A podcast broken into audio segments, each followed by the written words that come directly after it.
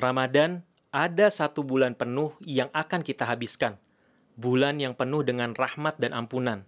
Sobat, pernahkah terpikir apa hikmah di balik satu bulan itu? Jangka waktu yang panjang untuk sebuah momen peribadatan. Berbuat baik adalah satu perkara, bertahan dalam kebaikan adalah hal yang luar biasa.